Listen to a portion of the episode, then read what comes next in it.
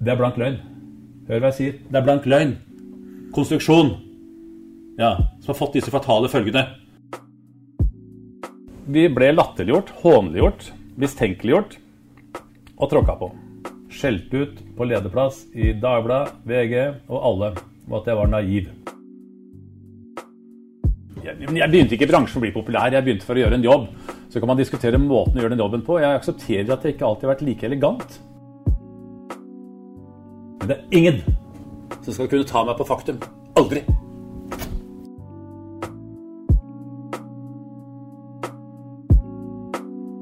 Du hører på Thea Dokumentar. Vi som lager Thea Dokumentar, er Erik Edvardsen. Og Juni Vendelin Fasting.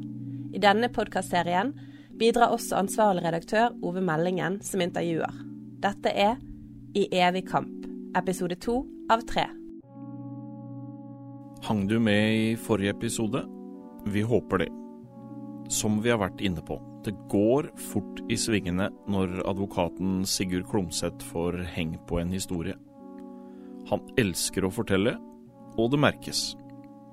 Og du skal få høre mer, mye mer, fra et liv og et virke litt utenom det vanlige. Vi avslutta forrige episode med at eh, Klomsæt ble banka opp. Det tok tid før han kom seg igjen. Nå skal vi spole tilbake til en sak som gjorde at medieoppmerksomheten rundt den rutinerte advokaten eksploderte. Saken førte også til at han mistet advokatbevillinga i to år. Det ble jo en av de dramatiske tingene i din karriere i forbindelse med 22. juli.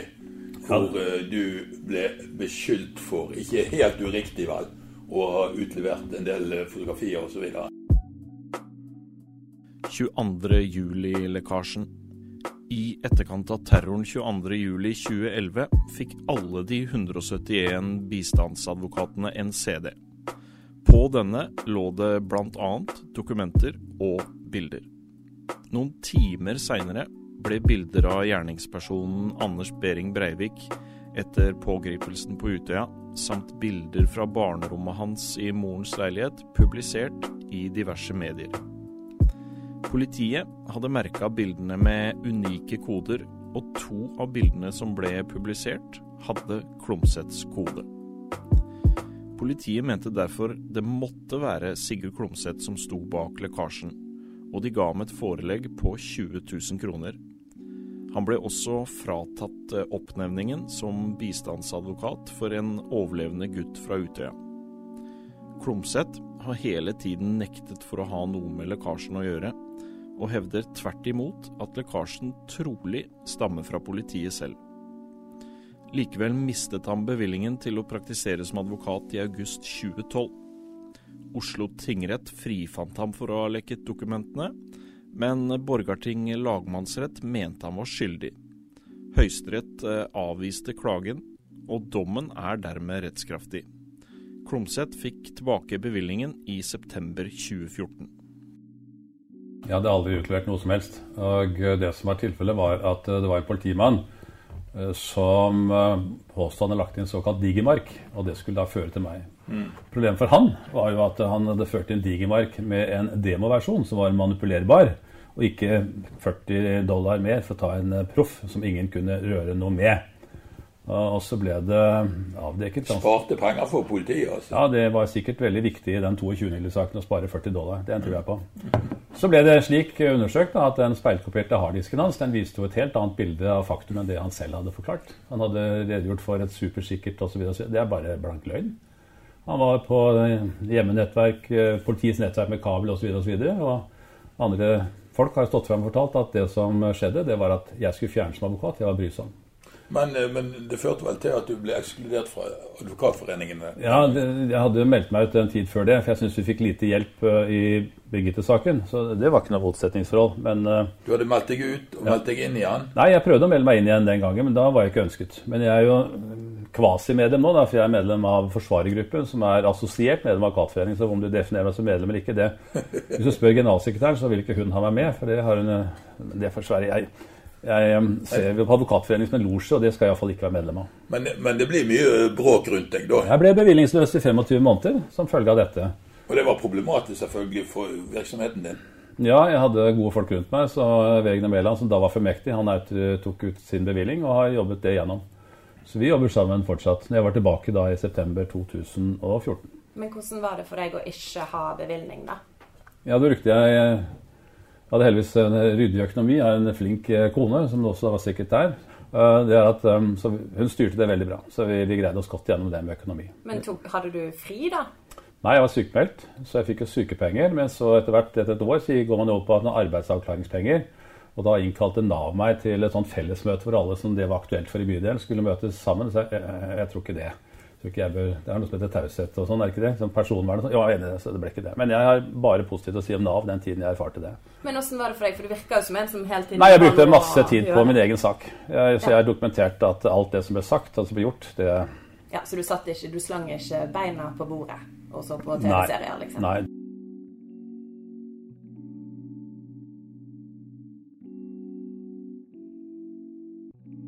Nå har det gått, eh, tolv år. da. Kan du si at ikke du gjorde noe ulovlig i den forbindelse? Ja, si det kan, jeg, det kan jeg sverge på. Jeg kan dokumentere at alt det som er sagt om meg, det er konstruksjoner. Hvorfor skulle du gjøre det, da? For å fjerne meg som advokat. Men hvorfor? Fordi jeg var brysom. Ehm, jeg hadde da eh, en del saker bak meg som nok eh, offentlige myndigheter syntes var plagsomme. Dessuten var jeg den eneste advokaten hva jeg vet, som hadde uttalt meg kritisk om norske stat og politiet om tiden før den 22. Eh, juli, om den 22. juli og tiden etterpå. Så de visste jo at der kom det sterke krefter.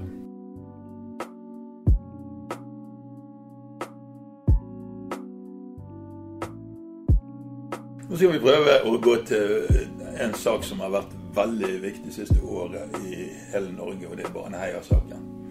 Eh, hvor du var veldig sentral innledningsvis. Baneheia-saken. 19. mai år 2000 ble åtte år gamle Stine Sofie Sørstrønen og ti år gamle Lena Sløgdal Paulsen voldtatt og drept i Baneheia i Kristiansand. Daværende bestevenner Viggo Kristiansen og Jan Helge Andersen ble dømt for de grufulle handlingene. Andersen tilsto og pekte på Kristiansen som hovedmann. Kristiansen har på sin side hele tiden hevdet at han er uskyldig. Etter svært mange forsøk på gjenopptagelse ble saken hans omsider besluttet gjenopptatt i februar 2021. 15.12.2022 ble Viggo Kristiansen frikjent etter å ha sonet 21 år i fengsel. Fortell litt om hvordan det arbeidet startet for deg. Ja, jeg fikk i april, 9. faktisk, eh, brev fra Viggo Kristiansen med overskriften 'En dennelig forespørsel'.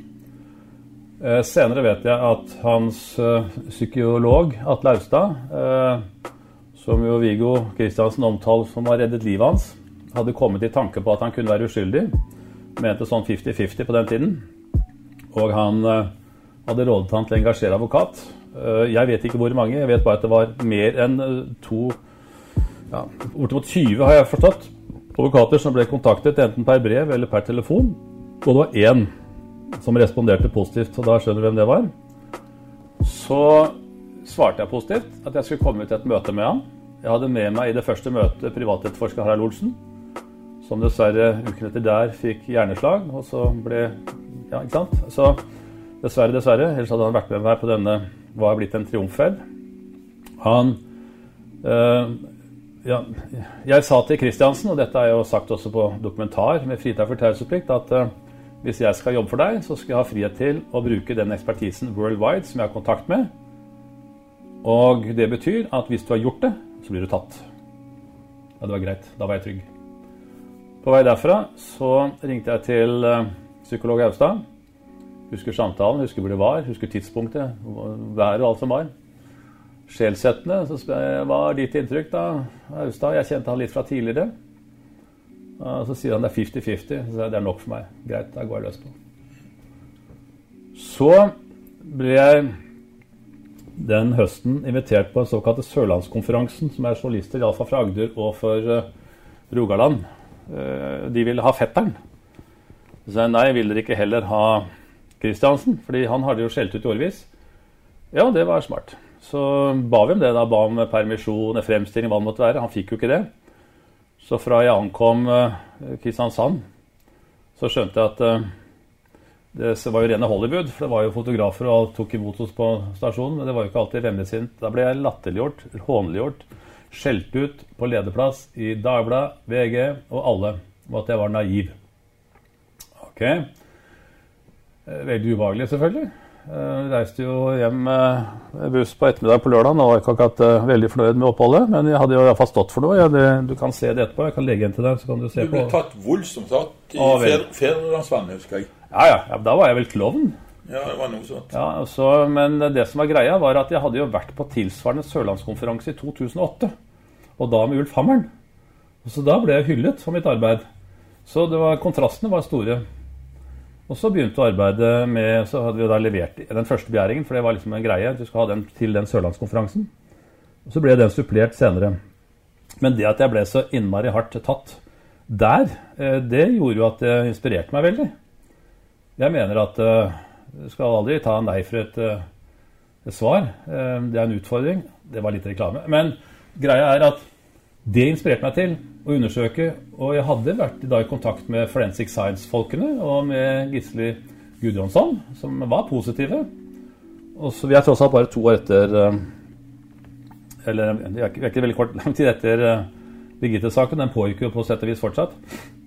Så er at jeg av Finn Abrahamsen, som da var politiavdelingssjef i Oslo, eh, med drap osv., tipset meg om at det var en dame ved navn Ragne Farmen i Stavanger som drev et DNA-institutt der borte. Jeg kontaktet henne, fikk henne interessert, fikk tak i en del dokumenter som DNA, som jeg sendte og lot henne få innsyn i og stille spørsmål om.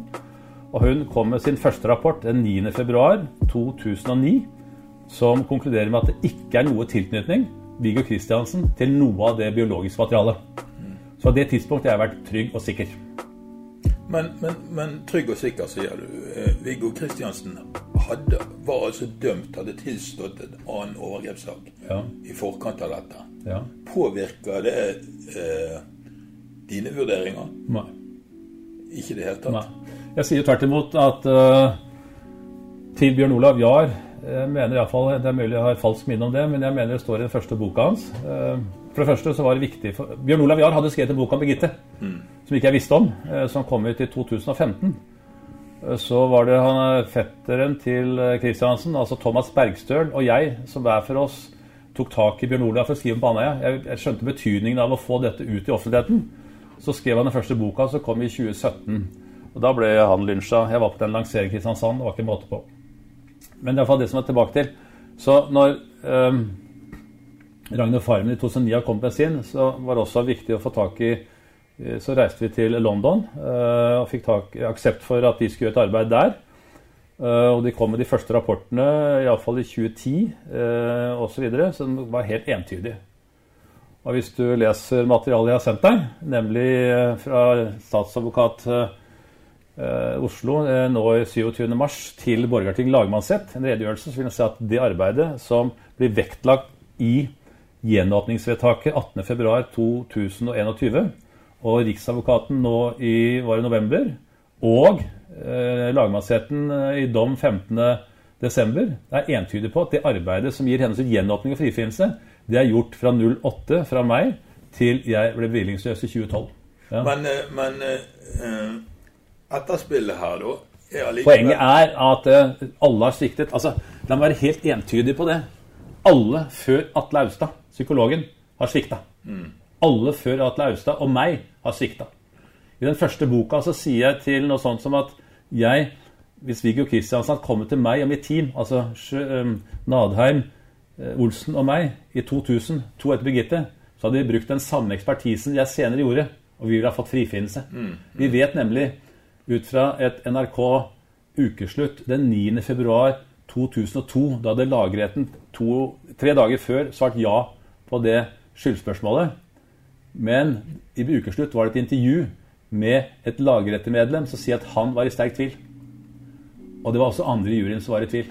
Men, men, Jo, men det greia er at alle har latt seg forlede av RMI, Rettsmedisinsk institutt, som påstår det måtte være to gjerningsmenn. Det er en forfalskning. Det har aldri vært riktig.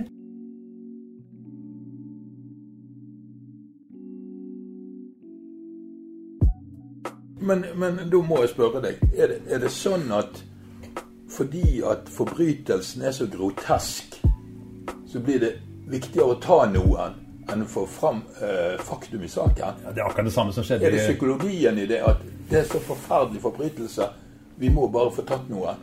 Det er det samme som skjedde i, i Bjugn-saken med de anklager som var der. Det samme som skjedde i mange saker, også i Birgitte-saken. Eh, vi vet jo at eh, det skjedde i mai 2005. Var det seks? Iallfall det skjedde flere år før, og så snudde man i bunken. Og så innkalte man fetteren eh, i avhør i februar 2007. Jeg mener ennå å huske at han var i militæret i Stavanger og møtte på uniform. Og de hadde forhåndsbestemt at de skulle pågripe han. Og så lagde de en konstruksjon hele veien utover det. Så skjedde jo det som Sjødin senere har tatt uh, sterk selvkritikk for. Altså Han ble overbevist om at han var skyldig, og at det var bare straffutmåling som dette da dreide seg om. Det var det som preget saken. Så våkna han på slutten, men da var det for sent. Ja, svaret på det er ja. Man hadde behov for, og det har jo også folk bekrefta. Mm. Men nå har det vært slik da at det er masse gode krefter som har stått fram og tatt det ansvaret. Vi vet jo, og det irriterer meg enda, men i VG for 8. og 10. juni 2000 så skrev VG det er der disse bildene man ser igjen hele tiden av jentene, at det skulle være på gang en gjerningsmannsprofil. Du kan jo ikke se på en amerikansk krim uten å høre om det. Det irriterer meg grenseløst fortsatt. For det som skjedde, var at vi fikk det første avslaget 17.6 i 2010. Så var det at Atle Austad hadde blitt kontaktet av en kvinne som har vært med på dette arbeidet, eh, Britt Røisli, som fortalte om hvorfor ikke den gjerningsmannsprofilen Så var det begynte å sjekke om den. Den lå ikke i dokumentene. Men da gjorde jeg kanskje noe uvanlig, fordi at noen dager senere så tok jeg min Jeep Wrangler, kjørte på Kripos og sa at den gjerningsmannsprofilen som dere har laget, den vil jeg ha. Den er ikke dokumentene. Nei, de hadde ikke den. Så sier jeg at han ene politimannen Jeg navngir ikke, så slipper du sitt. Jeg vet at du nå er søker til en politimesterstilling. Får ikke den, du vet. Når du står her og ljuger til meg. Nei, de skulle se hva de hadde, da. To dager så kom det. Mm. Hvorfor har de underslått den gjerningsmannsprofilen? Selvfølgelig fordi de konkluderte med en gjerningsmann.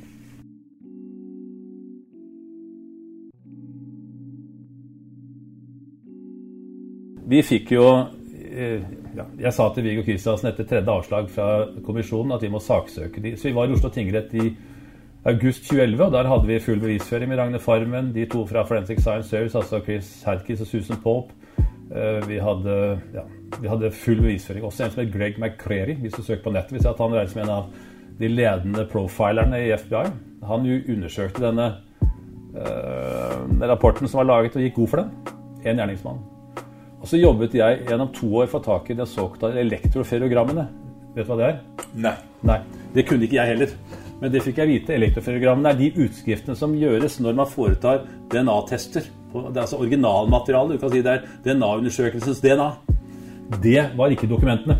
Og det er ingen sett i Norge. Jeg fikk jo tips, selvfølgelig gode råd fra England og fra Ragnhild Farmen. Du må få tak i det. Fikk det ikke, fikk det ikke. Kommisjonen brød seg ikke, fikk det ikke, fikk det ikke. Ok. Ja vel. Så krevde de det i forbindelse med søksmålet.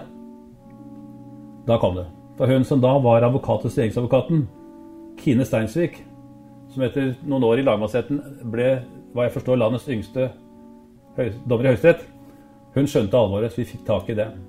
Da så man jo at eh, de spanske professorene i Compostela-instituttet de hadde aldri sagt to gjerningsmenn, de. De sa tvert imot at det kunne være fire. Og den konstruksjonen som har blitt fra det de ble påstått av Ragne, unnskyld, av, av RMI, for nøytral, da, skulle ha sagt, og som ble vektlagt av alle aktører, at det måtte være to gjerningsmenn. Det er blank løgn. Hør hva jeg sier. Det er blank løgn. Konstruksjon. Ja, Som har fått disse fatale følgene for Viggo Kristiansen. Og mange andre. Familie og andre. Og så var det slik at um, um, Ja, senere så kom det opp det at uh, jeg hadde tatt tak i det, Der snakker vi 2009. Å få tak i DNA-materialet. Jeg ba om å få utlevert jentenes klær for å undersøke det selv. Da fikk jeg klagesak mot meg fra bistandsadvokater for at jeg kunne være så ufin. Ja vel. For eh, det ble hevdet at det klærne var vasket. Ja vel. Det, for det første trodde jeg ikke på det. For det andre er det slik at selv om det er kokevasket, så ville man kunne finne DNA, sa de engelske eksperter. Ja vel, men det hjalp ikke. Så var det at jeg tok kontakt med RMI for å få utlevert det DNA-materialet som var der. Da ringer en kvinne derfra og sier at det var sendt til Kristiansand, altså Agder politidistrikt. Jeg kontaktet Agder politidistrikt. Jeg har jo jobbet en del i denne bransjen, jeg kjente jo de sentrale aktørene. Nei, de hadde aldri fått noe materiale tilbake. Jeg fant også litt pussig, fordi at dette er materiale som er avhengig av å være frosset ned. Og det krever jo en transport som da skulle være, vil jeg tro, protokollert. Det var ikke noe av det. Så ny henvendelse til eh, RMI. Og da eh, ringer samme kvinne tilbake og sier at de er destruert. Og da sier Ragne Farmen, som hadde jobbet på RMI, de engelske ekspertene, at det er ikke tilfellet. Man tar alltid vare på DNA-ekstrakter. Både fordi det er en utvikling i faget osv. Husk på den tiden så var man nede i 13-14 alleller. Altså nå, bortover, mm. og så videre. Ja vel. Så ja, da var det destruert, så jeg tror ikke noe på det heller. Og så var det at jeg på nytt tok kontakt med RMI, og som jeg sa på et foredrag en gang, at heldigvis var det da uh, Olav Gunnar Ballo blitt direktør. Og heldigvis han som tok telefonen henholdsvis åpna posten, det husker jeg ikke. Men da var det at han og nestleder Stenersen gikk i fryseren og fant 199 ekstrakter. Ja. Det er de 199 ekstraktene som vi da visste, ikke antallet, vi visste måtte være der, som vi da nå har frifunnet Rio Kristiansen 100% og knytter han andre til det han var frifunnet for. Dette er alvor. Men altså, er det at de lyver, da? At du må faktisk gå ja, altså, jeg, Det tror jeg ikke på. Ja, men så kan man være Nytt nøytral og si usant. Jeg har blitt mer flink til å si usant. Men det var iallfall usant, da. Hva vedkommende visste, ikke vet det, det vet ikke jeg, men det er grunn til å tro. For løgn er en aktiv handling, men ja. usant kan være direkte. Ja, det var iallfall usant, for der, var, der lå det. Og det visste jeg lå der ut fra internasjonale Men er det liksom en del av jobben som advokat? da? At du må, du må tvile på alt som blir sagt til deg? Ja.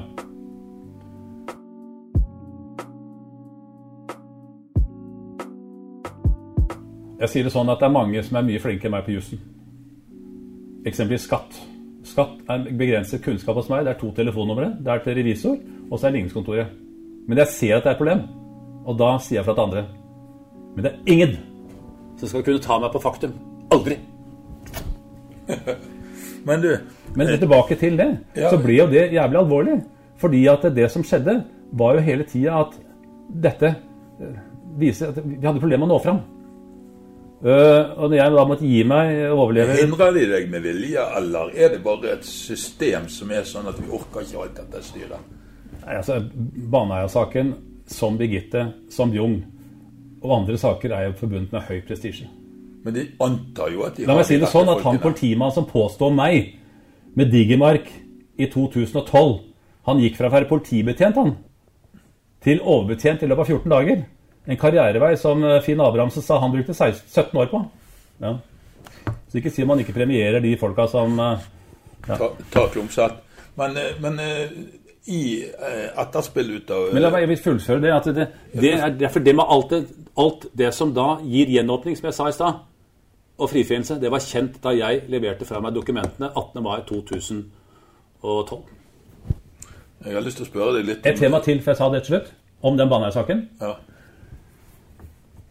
Lykkeligvis, som jeg skrev når jeg sendte inn krav på mine 5500 timer for arbeidet, er at eh, etter Altså, jeg var i Oslo tingrett i eh, august 2011. Eh, og jeg var sammen med, dvs. Si der var jeg læregutt, eh, Anders eh, Ryssdal eh, i, eh, i Høyesterett i februar 2012. Jeg hadde fått blodpropp i min første. så Jeg lå vaka i noen dager i, i november 11. Og ja, det hele tatt hadde langtidssykemeldt, men dette skulle jeg være. Jeg fikk tak i Anders Ryssdal som mitt mitt førstevalg. Vi var i Høyesterett. Og da, når du saksøker staten, så er det regjeringsadvokaten som alltid skal representere staten. I tingretten representert ved en advokat, altså Kine Steinsvik. Men i Høyesterett så møtte han selv. Og gjorde en glimrende jobb. I um, kommisjonen, altså Han ble senere utnevnt som nestleder i kommisjonen. Det var han på det tidspunktet da vedtaket ble gjort 18.2.21. Da måtte han vike til side som inhabil. Og inn kom advokat understreker, advokat Arne Gunnar Aas, en nestor, veldig dyktig, sympatisk kollega fra å være varamedlem til å bli medlem. Det ble 3-2-avgjørelse for gjenåpning. Alle vet at hvis ikke det søksmålet med det utfallet at regjeringsadvokaten møtte, så ville flertallet for ikke gjenåpning ha blitt uh, med da regjeringsadvokat Fagnes. Mm. Og da har det blitt Jeg har sagt det til han senere, jeg har møtt ham på gaten. Eh, jeg skal ikke si hva vi snakket om, men jeg har vært tydelig på at han at med deg vet du, så hadde det blitt Tre-to andre veier. Ja, helt åpenbart. Hva da, tenker du om det, da? Nei, det bør andre mene mye om, fordi det går på rettssikkerhetens løs. Og det er særdeles oppsiktsvekkende at en psykiater, TK Larsen, som har vært en veldig markant sakkyndig osv., utgjør et mindretall og mener osv., og, og eh, at eh, leder av kommisjonen stemmer for ikke gjenåpning. Hun er tidligere advokat. Forsvarer. Jeg har også vært forsvarer i samme sak som henne, iallfall én gang, som jeg husker. Stemte for, osv. Nå har hun riktignok moderert seg senere og sagt at etter saken ble overført til Oslo, det var en av virketreffene. For da kom det jo fram mye rart. Uh, og uh, det er uh, Ja, hva skal man si? Det, jeg har sagt henne hva jeg mener om det. hun har sagt senere at fordi det etterpå saken overført til Oslo, som Riksadvokaten klokelig besluttet, så har det kommet fram at Andersen ble anmeldt. Det var kjent på den tiden jeg jobbet med saken for overgrep mot en pike. Han benektet, han ble ikke trodd. Han ble ikke strafferettslig osv. Kan ha vært foreldet, det vet jeg ikke. Men den jenta hun fikk 200 000 i erstatning, oppreisning. Eh, det kom fram altså i Oslo-arbeidet. Da sier eh, lederen av kommisjonen at hun var glad for at gjenåpning eh, under den dekka og at det var kommet fram nå. Men så kan man si, Det reiser flere spørsmål. Skal det være avgjørende for at hun nå i ettertid prøver å redde skinnet sitt? Og skal være avgjørende for at den troverdigheten som Andersen åpenbart ikke hadde Jeg leverte første rapporten fra Gisle Gudjonsson. Den kom eh, i 2012. Det er jo helt entydig. Og tilbake til, jeg sier at Hvis Kristiansen har engasjert meg i mitt lag Vi hadde aldri akseptert at Andersen fikk sitte og prate som han gjorde, uten lydopptak. Vi hadde aldri akseptert at Bente Mevåg igjen fikk være sakkyndig, som vi hadde avslørt med sine lurverier i Baneheia-saken. Birgit-saken, unnskyld. Hadde akseptert det. Vi hadde trukket inn de samme ekspertene som i sin tid frifant han og gjorde det sakkyndigarbeidet som bl.a. redegjorde for Oslo tingrett. Så til slutt. Ja, jeg begynner å skjønne hvor vanskelig det er å være dommer når du er i retten. Nei, altså. nei, det spørs. Hvis du administrerer eh, Jeg er blitt flinkere, jeg er blitt flinkere. Men jeg er engasjert. Eh, gjerningsmannsprofilen, som da konkluderte med gjerningsmann Ikke sant? Vi engasjerte, som jeg sa, Greg McCreary. Han møtte. Han hadde med seg tall fra FBI. I USA var det mellom 15 og 17 000 drap i året. Så er det mange. Anførsel jeg sak lignende. ikke sant? Vet du offisielle tall på den type kriminalitet er? Gjett nå. Nei, nei. Svaret er 98 én gjerningsmann. Mm. Det er så grufullt at de deler ikke med andre. Tenk om også det var noe som noen har tatt tak i den gangen de jobbet med saken. Mm, mm. Ja. Ingen gjorde det før meg. Du snakket om 5500 timer, altså tre årsverk sånn cirka eh, som du nå krever å få betalt mm. eh, for. Og du har røket uklar med Sjødin mm. i disse spørsmålene. Mm. Så du Altså, det er ikke ferdig når det er ferdig for deg. Det er alltid en ny strid å kaste deg inn i. Konflikten med Sjødin. Som du har hørt, har Klomsæt vært forsvarer for Viggo Kristiansen og for Birgitte Tengs sin fetter. Men etter hvert tok hans eh, advokatkollega Arvid Sjødin begge oppdragene. Det har resultert i en uoverensstemmelse mellom de to. Til tross for at det var nettopp Sjødin som representerte Klomsæt i kampen for å få tilbake bevillingen da han mistet denne i 2012. Klomsæt føler at han ikke får den fortjente anerkjennelsen for arbeidet han har gjort i de nevnte sakene. Klomsæt mener at Sjødin skjøv ham ut, mens Sjødin har uttalt i media at Klomsæt selv trakk seg av fri vilje fordi han ikke likte rollen han fikk. Denne Sjødin-saken, hva er greien der? Nei, det må du spørre han om. Hva han ser seg tjent med det. Vi var jo gode venner i mange år. Så har jo reagert på altså Når det blir gjenåpning, så står han fram og snakker bare om seg sjøl. Jeg har sagt at vi var en gruppe mennesker som gjorde en innsats for dette. Uh, så har vel noe moderert seg, men han står jo fram uh, på en måte som jeg syns er uakseptabel. Og så har han etter hvert også tilegnet seg, tilranet seg uh, æren for Birgitte-saken. Det Ja, det, det, ligger mye der. Så han, det, det, det, er litt prestisje for deg òg. Hvem er det som har æren, og hvem er det som Jeg har snakket pent om mange. Mm. Trekker inn andre. Brukt mange, osv. Du er litt fornærmet på Sjødin, rett og slett? Nei, jeg er forbanna. Du er forbannet. Mm. Og, og, og jeg syns det er usaklig. Hva, hva, hva koster du i timen når du jobber for det offentlige? Ja, nå er det vel 1000 kroner i timen man får, sånn pluss-minus der. så det er en fem-seks millioner du venter på ifra Jeg begynte med dette i april 2008 eh, og jobbet intenst med dette fram til jeg måtte gi meg i 2012, 18. mai. Og når jeg var tilbake i september 14 til 2016. Mm. Vi var tre i periode fire på kontoret som jobbet med eh, Baneheia-saken. Eh, hva er kravet ditt til uh, myndigheten nå, da? 5500 timer. Ja, ganger? Ja, det spørs hvilken timepris du legger til for den har jo vært variabel. Jeg kan jo nevne at uh, etter uh, jeg var i Strasbourg med Birgitte-saken, så leverte to av oss time på 375. Sverre Næss, som da hadde fylkesmannen i Oslo forholdt seg til, han fikk det uten problem. Jeg fikk fra Rogaland 50 timer. Klagde på det. Jeg fikk 50 eh, til, fikk 100, og var ikke fornøyd med det. Og saksøkte fylke, Jeg var ikke fylkesmann da, og alle vet at å saksøke staten det er en risikosport. Så um, vi forlikte den da uka før vi skulle i hovedforhandling. På 250 timer, tror jeg. Og Da var staten veldig opptatt av at jeg skulle få timeprisen som var da gjeldende. Ok, greit, jeg gir meg da. Så var det sånn at uh, etter det så ville jeg vite hva staten hadde betalt en uh, forretningsadvokat for å bekjempe meg. Ja, Det var en del av forliket, sa regjeringsadvokaten. Nei, sa det er ikke det. Så jeg gikk til Sivilombudsmannen og fikk medhold i innsyn. Og der kan jeg dokumentere at staten da hadde betalt mer til advokat Goller for å bekjempe meg enn det jeg totalt sett hadde krevet betalt. Det er staten i et nøtteskall. For de som har tillit til men, men gjør, du, gjør, du, mye jobber gratis eller tilnærmet gratis? Ja, Hvis du ser på det, så med tidligere portrettintervju Thea fra R95, så står det 'Mann med sine meningers mot'. Der snakker En overskrift er Robin Hood-metoden. Jeg jobber jeg, jeg, lar meg lett eh, røre og bli engasjert av skjebner, og ja, jobber mye uten at det blir tatt betalt for det. Så mye at uh,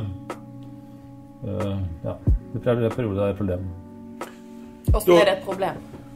Nei, fordi at uh, Man er jo avhengig av inntekter. og hvis jeg synes, så, Av og til så føler jeg også at jeg er blitt lurt. sånn, sånn sett. Jeg har for dårlig filter til å Men jeg får stadig henvendelser som griper meg. Og jeg driver med et par gjenåpningssaker nå som jeg uh, åpenbart ikke blir rik av hvis jeg ikke får medhold. Tunge saker.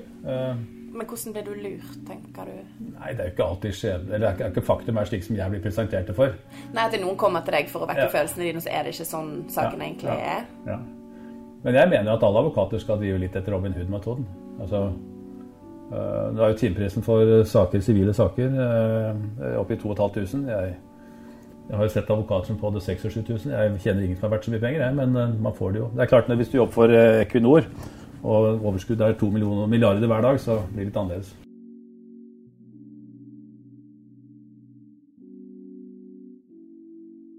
Du, Det fører oss litt til denne her saken med hun som døde fra broen eh, Stathella.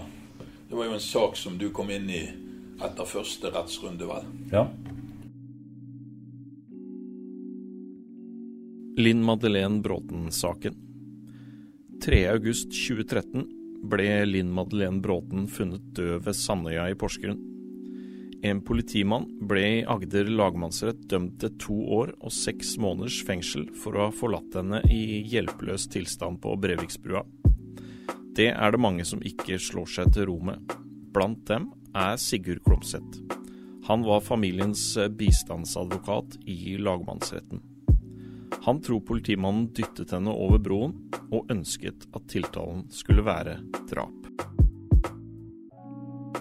Jeg ble engasjert uh, straks etter jeg var tilbake med bevilgning i 2014. Det skjedde vel 3.8.2013, eh, hvis jeg ikke tar feil. Det hadde vært en runde i tingretten, og der advokat før meg hadde ikke sørget for å ivareta interessene om erstatning. Det var helt meningsløst uh, håndtert.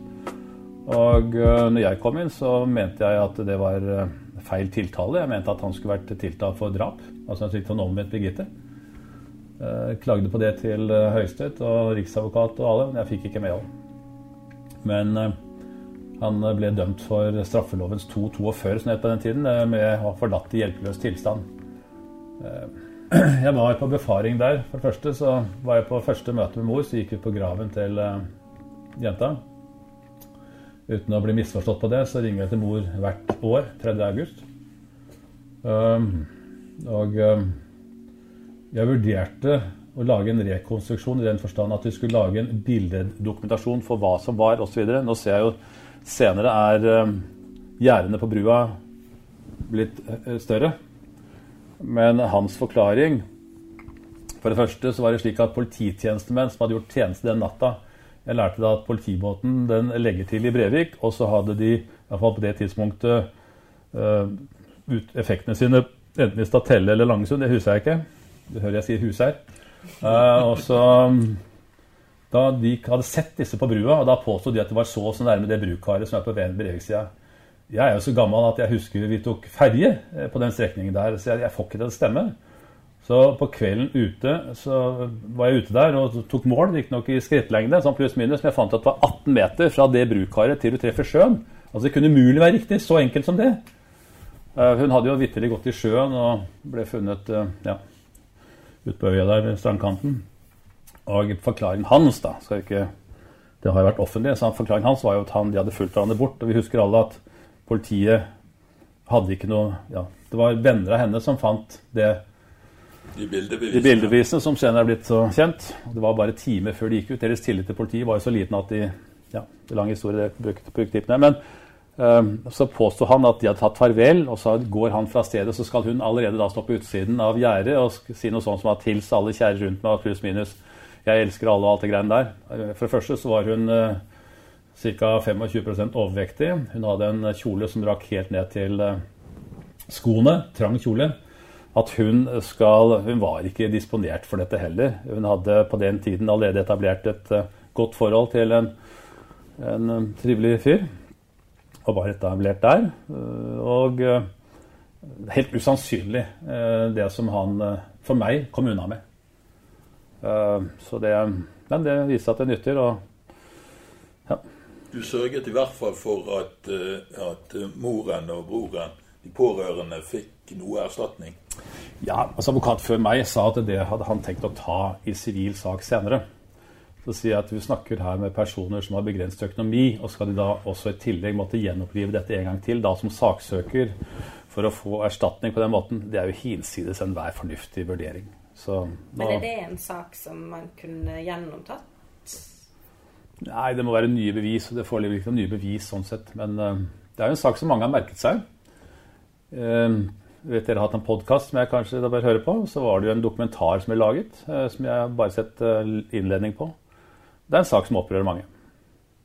Spesielt dette med at uh, han som ble delvis dømt, i hvert fall i saken, hadde bakgrunn i politiet og hadde tilgang på, på politiets ja. uh, Det var jo først etter noen dager var det vel, at uh, denne videoen kom opp, at det ble pågripelse og plassert i Tønsberg og Tønsberg-politiet. Det jeg vil si om saken, var at han hadde en svært, svært dyktig kollega. Eh, av meg også en forsvarer som var en veldig sympatisk, dyktig og helt ja, forbilledlig dyktig. Så hva jeg forstår, driver han ikke så mye med strafferett heller, nå er han pensjonert. Men også, etter saken så ringte han og sa at det syns jeg var en, en mm. godt jobb. Godt jobba. Ja, For det hender det? At du klar, klarer å Ja, jeg var i Skien her, i Skien her for to uker siden, og da møtte jeg en hyggelig kollega. Gøran uh, Ja, hva heter han? Kristiansen uh, fra Elden. Jeg hadde aldri møtt ham før. Og og vi hadde et greit forhold. Dere dekket jo saken. Og jeg sendte melding til han etterpå at takk for hyggelig samvær og godt kollegialt. Og ditt utdrag, altså juridisk utdrag, ditt utdrag var mye bedre enn mitt. Det... Så du kan innrømme det? Hvorfor skal jeg ikke det? Nei, jeg vet jeg ikke. Jeg... Du bare slår meg som en som nei, har veldig mye aggresjon mot alle andre. Nei, da, nei, nei, nei altså, jeg syns kolleger som Særlig når jeg er blitt eldre, så er det naturlig For jeg har jo også vært uh, jomfruelig en gang. Jeg husker jeg ble godt uh, tatt vare på av uh, både, ja, særlig Nordhus. Alf Norhus. Ja. Alf Norhus. Vi var jo nesten kontornaboer, og så, så ble jeg gæren. Og mm. så, og så uh, sa at det går sikkert med deg, vet du. Uh, etter prosedyren så er det good speech og good lawyer. Og Så kommer dommen, og da blir det bad speech og bad lawyer. Det ikke, så det var jeg forberedt på. Men jeg, jeg, jeg møter overveiende hyggelige kolleger. Men det var ikke så, det var ikke så gemyttlig den gangen du kalte en av dine motparter i retten for en premenstruell spire her i Skien? Nei. Vi er 14 dager etter at jeg hadde vært i Strasbourg. Var rimelig opptatt av menneskerettigheter. Og øh, jeg har hørt meg sjæl. Så var det det at jeg var forsvarer for tiltalt nummer to, og så var det slik at hun som domfemektig lot øh, politiadvokat Borgen som aktor få lese opp fra avhør i strid med det som jeg hadde prosedert på i Strasbourg, altså menneskerettserklæringens artikkel 6.1, fair trial, og 6.2, uskyldspresumpsjon. Og Så sier hun arrogant til meg at det, vedkommer ikke deg. Og så sier jeg like arrogant tilbake at det vedkommer oss alle å følge lover og regler og konvensjoner. Så ble det en utrivelig stemning. Eh, mor var med fordi gutten var eh, eh, umyndig. Eh, og så er hun spør meg på gangen hva som skjer, og så sier jeg noe sånt som at jeg vet ikke, kanskje hun er premenstruell. Og det ble fanget opp av eh, han Løk, eh, Løkås. Løkås. Løkås. Jeg var 14 dager senere i Spania og fikk telefon om at dette var oppslaget. Ja vel. Og så ble det det. Og så fikk jeg kjeft fra kona mi, for hun leser også Thea. Fikk jeg kjeft fra eh, kona til en kollega, og kona til kollegaen det var daværende likestillingsombud. Så det ga mye kritikk over kort tid. Intenst var det. Og så var det sånn at uh, Solskriver Mydland, som jeg kjente fra før av, helt som han var i Nord-Norge, ga meg tilbud om at hvis jeg trakk dette, så skulle han frafalle klage. Så jeg skulle selvfølgelig bare sagt ja, greit, greit. Uh, jeg påberopte meg at jeg sa i lukket rom, påberopte Grunnlovens § 100 ytringsfrihet. Jeg var liksom var helt der. Det ble klage. Jeg fikk kritikk. det trodde mer på, på Løkås enn meg. og så ble det slik da at jeg ga meg ikke og fulgte saken senere. Og så ble det et par av de to. Og Thea hadde jo, som dere ofte har, bilde av uh, barn med stolte foreldre. Så begjærte jeg den saken uh, gjenåpnet. det vil si jeg begjærte vel opphevet den ankenektelsen, for vi fikk jo ikke medhold i lagmannsretten at den skulle prøves. Så var det slik at vi fikk medhold i at den skulle prøves i lagmannsretten allikevel. Så var det Jeg tror det var 2004. Jeg var iallfall holdt uh, 1. mai-talen oppe i Lunde, var det vel, og på Ulefoss. Og så sier jeg noe sånt som at til uka kommer den saken opp igjen, den dere har hørt om. Uh, og Noen syntes det var litt pinlig, og noen syntes ja, det var stas. Så sa jeg at uh, da blir det frifinnelse, sa jeg. Og så ble jo saken behandla, men en lagdommer han stemte for fortsatt domfellelse. Men etter frifinnelsen så skrev jeg brev til Smith i partilaget her ute. Det er vel kanskje fylkespartiet hun jobber? Unnskyld, Jorunn. Smith. Noe sånt som at uh, det jeg sa på 1. mai med at det blir frifinnelse, det ble jo sånn det ble. Og det har sagt at de, vi i Arbeiderpartiet har alltid vært å stole på. men, men, du var ikke veldig stolt av den saken? Da. Nei. Men den uh, Du har ikke glemt den, du heller? Nei, jeg har ikke det. Nei, nei, men det, det, viser vel at eh, jeg håndterte det litt dårlig. eh, Men jeg hadde engasjementet står jeg for. Fordi eh, det som skjedde, var at gutten fikk bl.a. en bot på 5000 kroner og kom ikke inn i garden som han søkte. Men det ordnet seg. Han fikk tilbake den bota, og så, videre. så det ble et annet livsforløp for han da, heldigvis. En annen vanskelig sak. En annen det hører også med da, at han var tiltalt for å ha brukt en chaco. Jeg visste jo ikke hva chaco var, men det er altså en metallgjenstand ytterst på en kjetting, og så drar man den rundt. Så hadde dette skjedd Han sa nei, han hadde ikke chaco, han hadde en paraply med seg. Og dette skjedde hjemme hos en annen som jobbet i Arbeiderpartiet på den tida. Så jeg var på befaring, og det var ikke fysisk mulig å ha en chaco. Det var liksom sikkerheten jeg hadde for at dette kunne ikke være riktig. Så det hører også med hvis du spør om det. Så er jeg alltid der jeg kan, så er jeg ute på steder og ser på det fysiske, det som skal håndteres i retten. Jeg har tjent på det mange ganger, bl.a. når det gjelder bildrap, hva det måtte være. Helning på veien osv. Alt, ja. Jeg hadde masse fartssaker, reiste land og strand rundt etter en positiv artikkel i bladet Motor, NAF-blad, medlemsblad. Og opplevde jo mye merkelig. Jeg kunne dokumentere at den bilen kunne ikke gå så fort. Det var inne i en tunnel og fram og tilbake. De folk ble dømt. Det Tilliten til politi og påtalemyndighet er etter min oppfatning for stor. Og det skrev jeg en kronikk om i VG i juni 2005. 'Mitt liv som bakgårdskatt blant hermelinekapp fra vestkanten'. det var den som Atle Austad hadde lest, som gjør at han kontaktet meg for Viggo Kristiansen i 2008. Så, sånn sett har jeg fått payback time da, 13 år etterpå. Det er masse andre saker som jeg har fått lov til å være med på, men det er slik at klientene velger meg. Så jeg har vært veldig heldig med de valgene, mange av dem.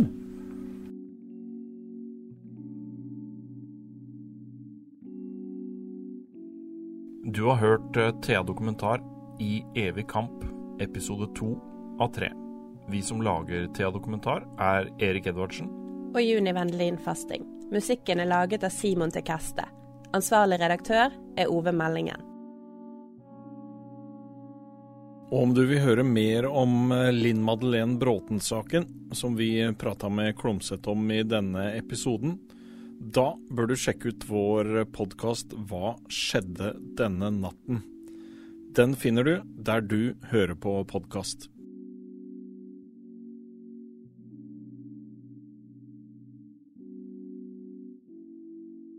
Har du et enkeltpersonforetak eller en liten bedrift? Da er du sikkert lei av å høre meg snakke om hvor enkelt det er med kvitteringer og bilag i fiken, så vi eh, gir oss her, vi. Fordi vi liker enkelt. Fiken superenkelt regnskap.